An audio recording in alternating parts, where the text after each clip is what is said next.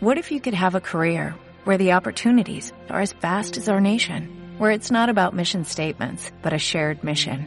At U.S. Customs and Border Protection, we go beyond to protect more than borders, from ship to shore, air to ground, cities to local communities. CBP agents and officers are keeping people safe. Join U.S. Customs and Border Protection and go beyond for something far greater than yourself. Learn more at cbp.gov/careers. Hola, hola, benvingut al podcast d'Història de segon de batxillerat per a selectivitat. El meu nom és Dani Vega, sóc el creador de celhistoria.com i el perfil d'Instagram de Celhistòria i YouTube. Avui del que parlem és del tercer capítol dins del, del tercer bloc de contingut, que és el de la Segona República, i per tant avui parlarem del primer bieni, del, primer, del bieni reformista o bieni d'esquerres, que va del 1931 a 1933. Concretament, el seu inici el situem en 1931, entren les eleccions que hi ha el 28 de, de juny, del qual surt un govern d'esquerres liderat per Manuel Azaña i la, la diguem l'anunciació la, oficial, l'acceptació oficial de la nova Constitució de 1931 del 9 de desembre. Per tant, en, aquestes, en aquesta segona meitat de, del 1931 seria quan començaria el bienni reformista que, com diu el, el nom doncs, és un govern d'esquerres que vol impulsar una sèrie de reformes. En, en general, aquest bieni eh, reformista serà una mica com una, fer un equilibri entre la burgesia i els obrers, no? una mica per crear un, bueno, una, una situació bona per, per tothom perquè els obrers estan molt decepcionats per històricament tots els problemes que han, que han tingut i de fet la primera gran reforma que es fa és les reformes que diem sociolaborals o reformes agràries. De, de què parlem quan diem reformes socials, laborals o, o, o agràries? Diem, per exemple, estem fent referència a dos grans grups. Primer, com dic, les reformes socials i la, laborals impulsades per Largo Caballero, que és un, una persona socialista, un líder polític socialista, i que durà a terme lleis com per exemple la, la llei de termes municipals, la llei de jurats mixtos, la llei de treballs forçosos i l'establiment de la jornada màxima laboral de, de 8 hores, una mica per millorar la, la situació dels obrers tant a l'àmbit eh, rural com en l'urbà. Tot i que a l'àmbit urbà també s'impulsa una llei concreta, que és per això que també parlem de reformes agràries, i que parlem del, de la reforma agrària de 1932 aquesta reforma agrària en què consisteix? Doncs mira, consisteix en el següent, i és que la situació de la pagesia a Espanya és dolenta. Per què? Perquè hi ha grans propietaris que tenen moltíssimes terres i que el que fan és llogar-les a gent que vol treballar aquestes terres. Però clar, els que, els que lloguen, els, els rebassaires, mai tenen accés a la propietat d'aquestes terres. I com no tenen accés a la propietat d'aquestes terres, no són unes condicions de vida gaire bones. Vale? Perquè, òbviament, sempre l'amo de, de les terres doncs, viu millor que, que, el, que el treballador. I, per tant, la manera de millorar les condicions de vida dels pagesos és donant accés a la que es puguin ser propietaris. Perquè hi havia molts nobles, hi havia molts, bueno, gent amb molt de poder que històricament havia acumulat moltes, moltes terres. I, per tant, amb la creació de l'Institut de Reforma Agrària, el que es vol amb aquest institut és una mica regular diferents expropiacions que es fa. és a dir, expropiar terres a gent que acumula moltes, que no les conrea bé, que són de, de, deficients, i donar-les a als rebassaires, als pagesos. Aquí hi ha gent que està treballant històricament en aquestes terres pagant un, un, un lloguer però ja que els grans propietaris, els terratinents, no volen vendre, doncs s'ha d'expropiar. És l'única manera que els pagesos puguin accedir a la propietat. Ara bé, aquest sistema o aquest, bueno, aquesta forma d'expropiar amb alguns s'indemnitza, amb els altres no, clar, és, és molt complex i és molt, és molt fotut, no és tan fàcil expropiar terres. I per tant realment és una iniciativa que en un primer moment podia ser bona, però que va tenir poc efecte o no va tenir tot l'efecte que el govern d'Espanya d'esquerres volia. I això va crear molta frustració en els pagesos i això es veurà reflectit en les diferents crisis que veurem més tard. Eh? però no només es guanya la frustració dels pagesos, sinó que, a més a més, aquest govern central d'esquerres de Manuel Azanya es fica en contra els, te, els te, terratinents, és a dir, amb la gent amb, amb molt de, de poder, perquè la gent amb molt de poder està veient com el govern central és una amenaça perquè es vol expropiar les seves terres. I, per tant, faran una oposició molt gran, molt radical en aquest govern d'esquerres. I per això podem dir que tots els grans propietaris, al final, eh, són més conservadors i de, i, i, de, i de dretes, i aquí tenim un motiu, no? Doncs això en quant a les reformes, diguem, socials, laborals i reformes agràries. Les següents, les següents reformes podríem parlar de reformes religioses o tot el que té a veure amb l'Església i amb el laïcisme, no? perquè ja saps que amb la Constitució de 1931 31 el que s'estipula és que l'Estat a Espanya passa a ser no confessional, és a dir, no es posiciona a favor de cap religió i per tant tots els privilegis que l'Església Catòlica tenia a Espanya es retiren, com per exemple tot el pressupost que anava dedicat a, a, a l'Església.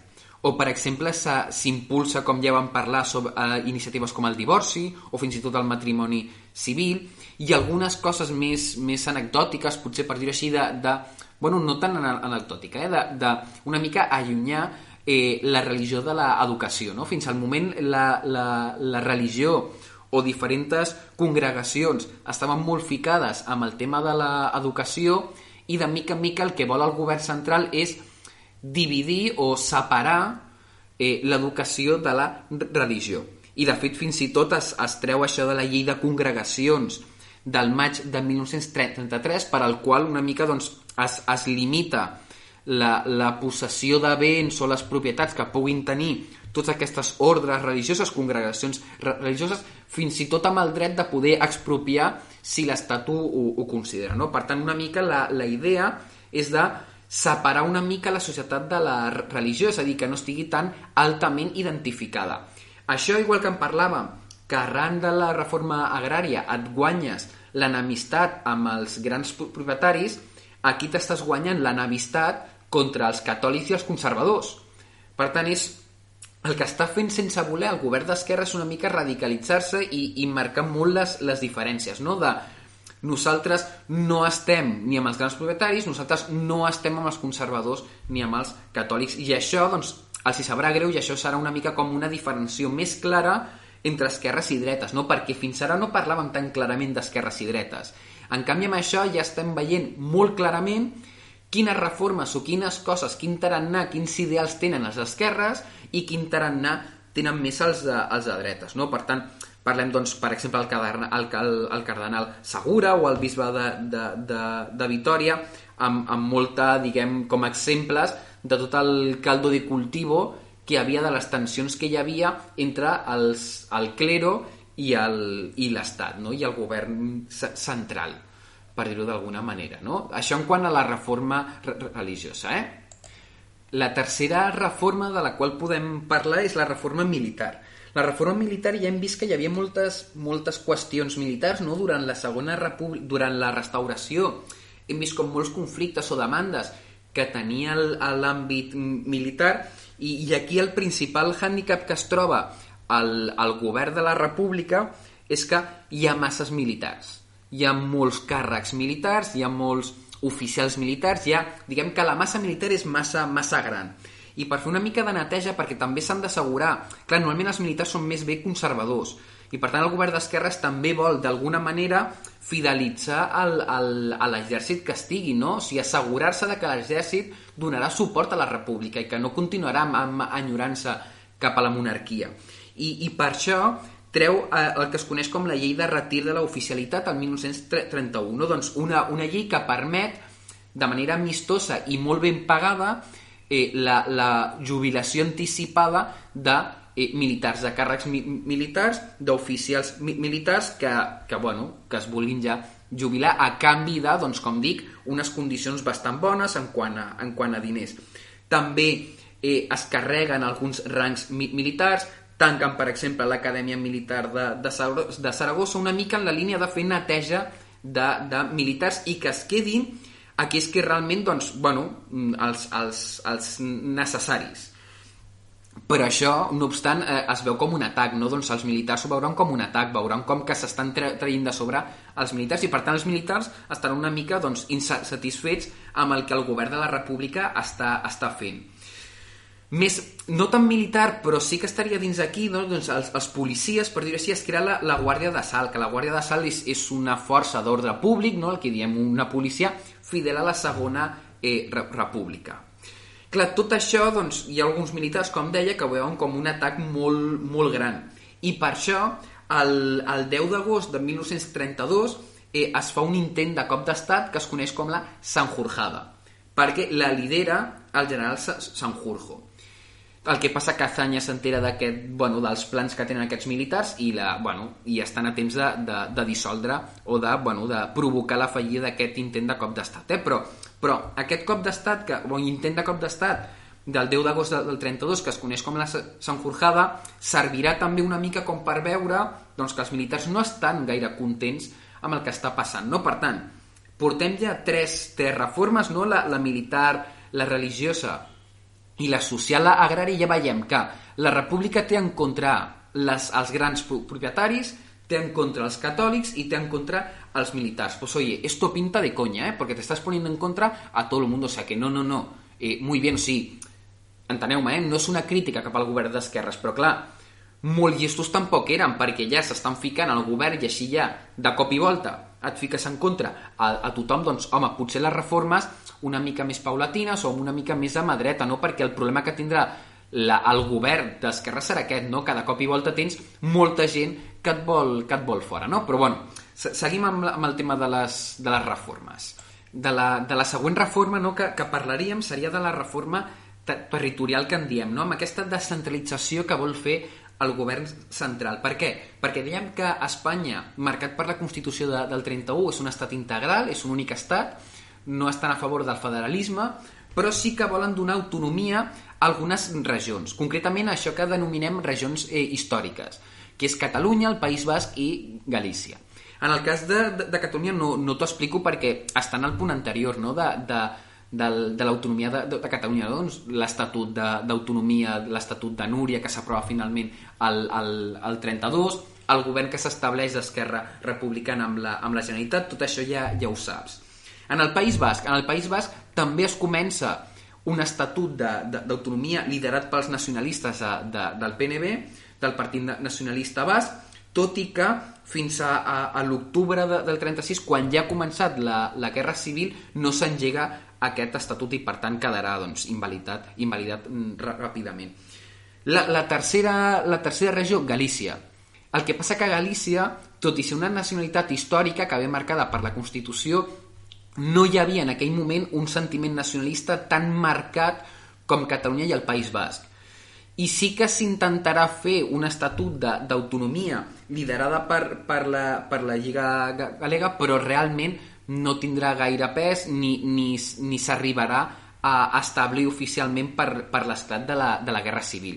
Per tant, diguem, oficialment sí que s'engega l'Estatut català i basc, el gallec no, però hi ha una intenció d'aquestes regions per tenir autonomia i poder pròpiament això també es posa en contra d'algú i es posa en contra d'aquesta gent que vol que Espanya sigui un estat integral i que veuen en l'autonomia un perill perquè Espanya se, se desmembre, no? i que per tant no estan a favor de, de, de l'autonomia i hi ha una part important d'Espanya que així, que així ho creu realment i per tant és més gent en, en contra. I ara ja, doncs, després de, de veure, com dic, la reforma ter territorial, la reforma militar, la reforma religiosa i la reforma social, laboral i agrària, ens falta la, la reforma educativa o la reforma cultural. Respecte a aquestes, a aquestes reformes, no? més de, de com deia, d'educació, de, ensenyament i, i cultura, la, la idea bàsica és una idea que ja hem parlat en anteriors capítols, de que eh, bueno, es vol una mica separar la religió de, de, de, de l'educació. Això sí, es vol una, una educació eh, obligatòria i gratuïta per, per tothom amb accés a tothom també en, aquells, en aquell àmbit més, més rural. No? Per això s'impulsa una cosa que es diuen les missions pedagògiques pels pobles o els municipis més allunyants de, de l'àmbit urbà, que una mica la idea és, és crear doncs, biblioteques ambulants, no? una mica l'accés a la cultura a tots els, els municipis, tot i que estiguin molt allunyats de, dels centres eh, eh, urbans. també amb la creació de cases de, de la cultura, de, de biblioteques, de fins i tot teatre universitari. L'exemple més clar és el de la Barraca, que està dirigit per Federico García Lorca, una mica iniciatives culturals per apropar la cultura no, a, a, tota, a tota Espanya perquè la idea clara és, és, és aquesta i és que si, si l'economia espanyola ha de millorar, si la situació dels espanyols ha de millorar, això passa perquè el nivell eh, cultural augmenti. Si no, és impossible el desenvolupament d'un de, país.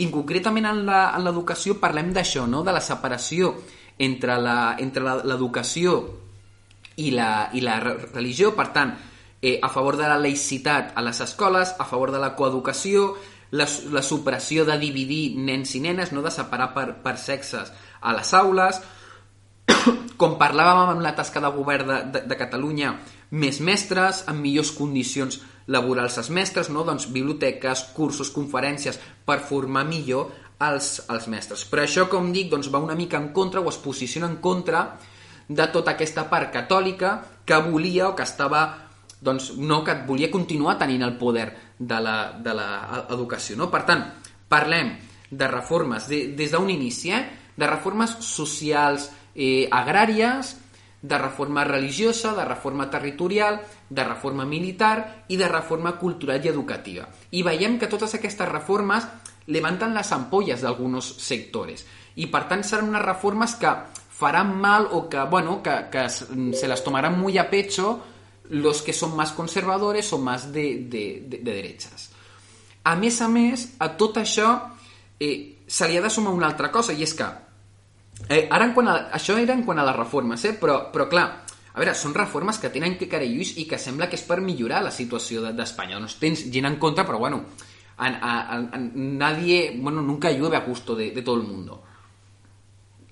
I aleshores el que Quin és el problema d'aquest bieni, no d'aquest govern d'esquerres? De, a banda del tema de l'oposició més de dretes, conservadors i a més, eh? doncs que en aquest moment esclata una gran crisi mundial. Vale? Quina és aquesta gran crisi mundial? Doncs és la depressió econòmica mundial arran del crac del 29, arran de la, del crac de la borsa de Nova York del 1929 que aquí doncs, arriba una mica més tard, eh? perquè sempre la, les crisis econòmiques doncs, arriben una mica més tard, sobretot en un moment que el món no està tan globalitzat com és en aquesta dècada, no? De, dels 30. Què, què provoca aquesta gran depressió econòmica mundial? Que es paralitzi el creixement econòmic i la inversió privada, per tant els empresaris no echaran més billetes a los negocios, que es paralitza la migració que anava a Amèrica i que retornen aquells que havien emigrat a Amèrica perquè allà les condicions econòmiques ja no són tan bones i per tant volen tornar a casa, augmenta l'atur perquè no hi ha tanta feina i a més s'ha de recuperar diners i per tant es fot gent al, al carrer perquè no es produeix tant a més a més en el camp la, la rentabilitat perdoneu, no és tan bona i per tant si ja les terres no et donen diners pues no les conrees i punto, perquè no és rentable conrear-les i a més a més és que l'Estat també pateix aquesta crisi, per tant té pocs diners per, fer, per dur a terme totes aquestes reformes. Totes les reformes de les que hem parlat abans requereixen diners i requereixen d'inversió pública, però ara que hi ha una crisi econòmica l'Estat no pot invertir diners. Per tant, aquestes reformes es queden una mica pobres, es queden una mica coixes. I això què provoca? Que hi hagi una radicalització d'esquerres, perquè les condicions socials, laborals són dolentes, l'atur creix, la gent passa gana i, per tant, els obrers es radicalitzen. I, per tant, trobem intents revolucionaris dels anarquistes de la CNT, però també radicalització de, del socialisme de l'UGT, que això també provocarà el creixement del Partit Comunista, que recorda que del Partit Socialista se'n van els comunistes.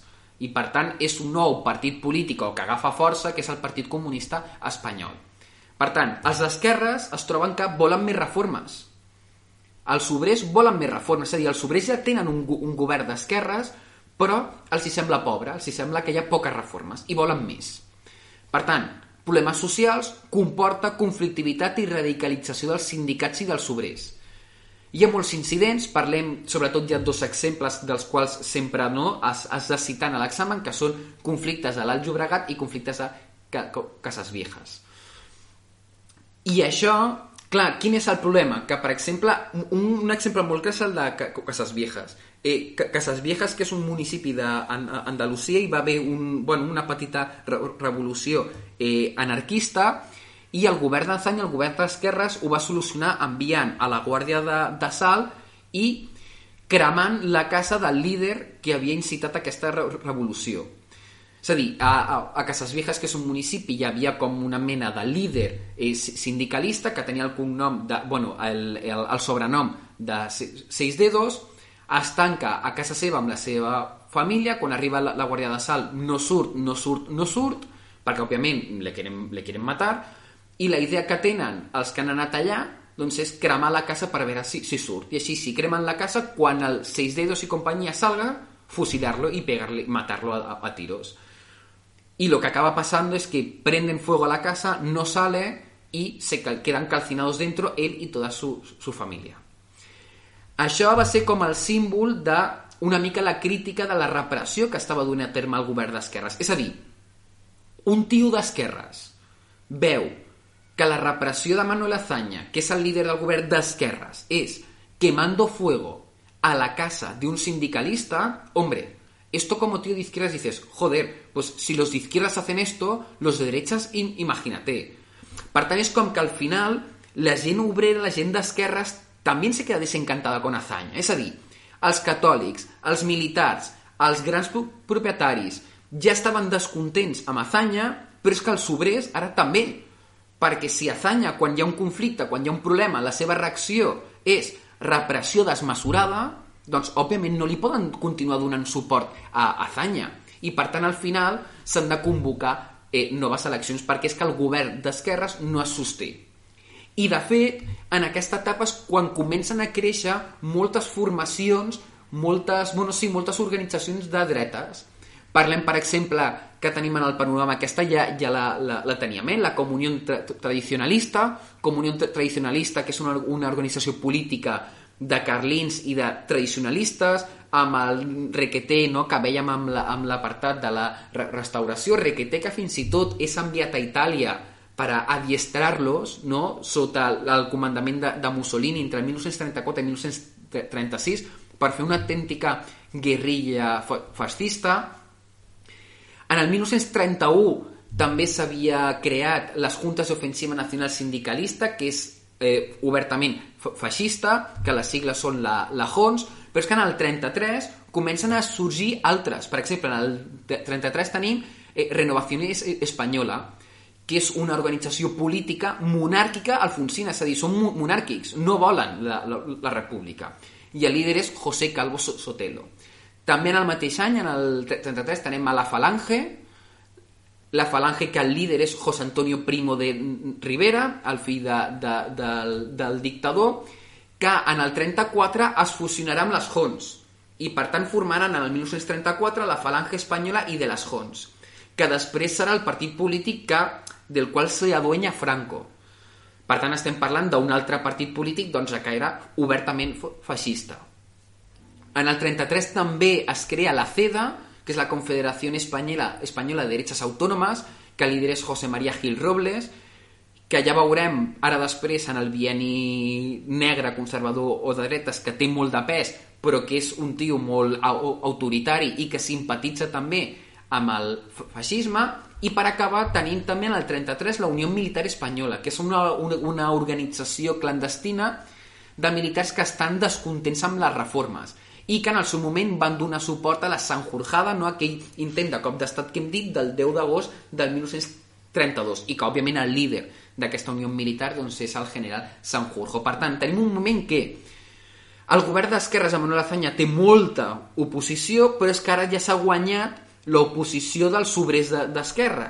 I paral·lelament a això, els de dretes s'estan aprofitant per formar una xarxa política per guanyar les següents eleccions que finalment les, les guanya, eh? o sigui que és una cosa que al final realment eh, aconsegueixen. I res més, amb això pues, el panorama de les izquierdes està bastant jodido i veurem ara el bieni negre conservador o de dretes què és el que passa, així que res, espero que us serveixi, si teniu dubtes, qualsevol cosa, m'ho podeu escriure per Instagram o el que sigui, jo respondré al mesura que pugui, o sigui que cap problema, espero que us sigui útil. I res, molts ànims, eh? Que vagi molt bé. Adeu, adeu.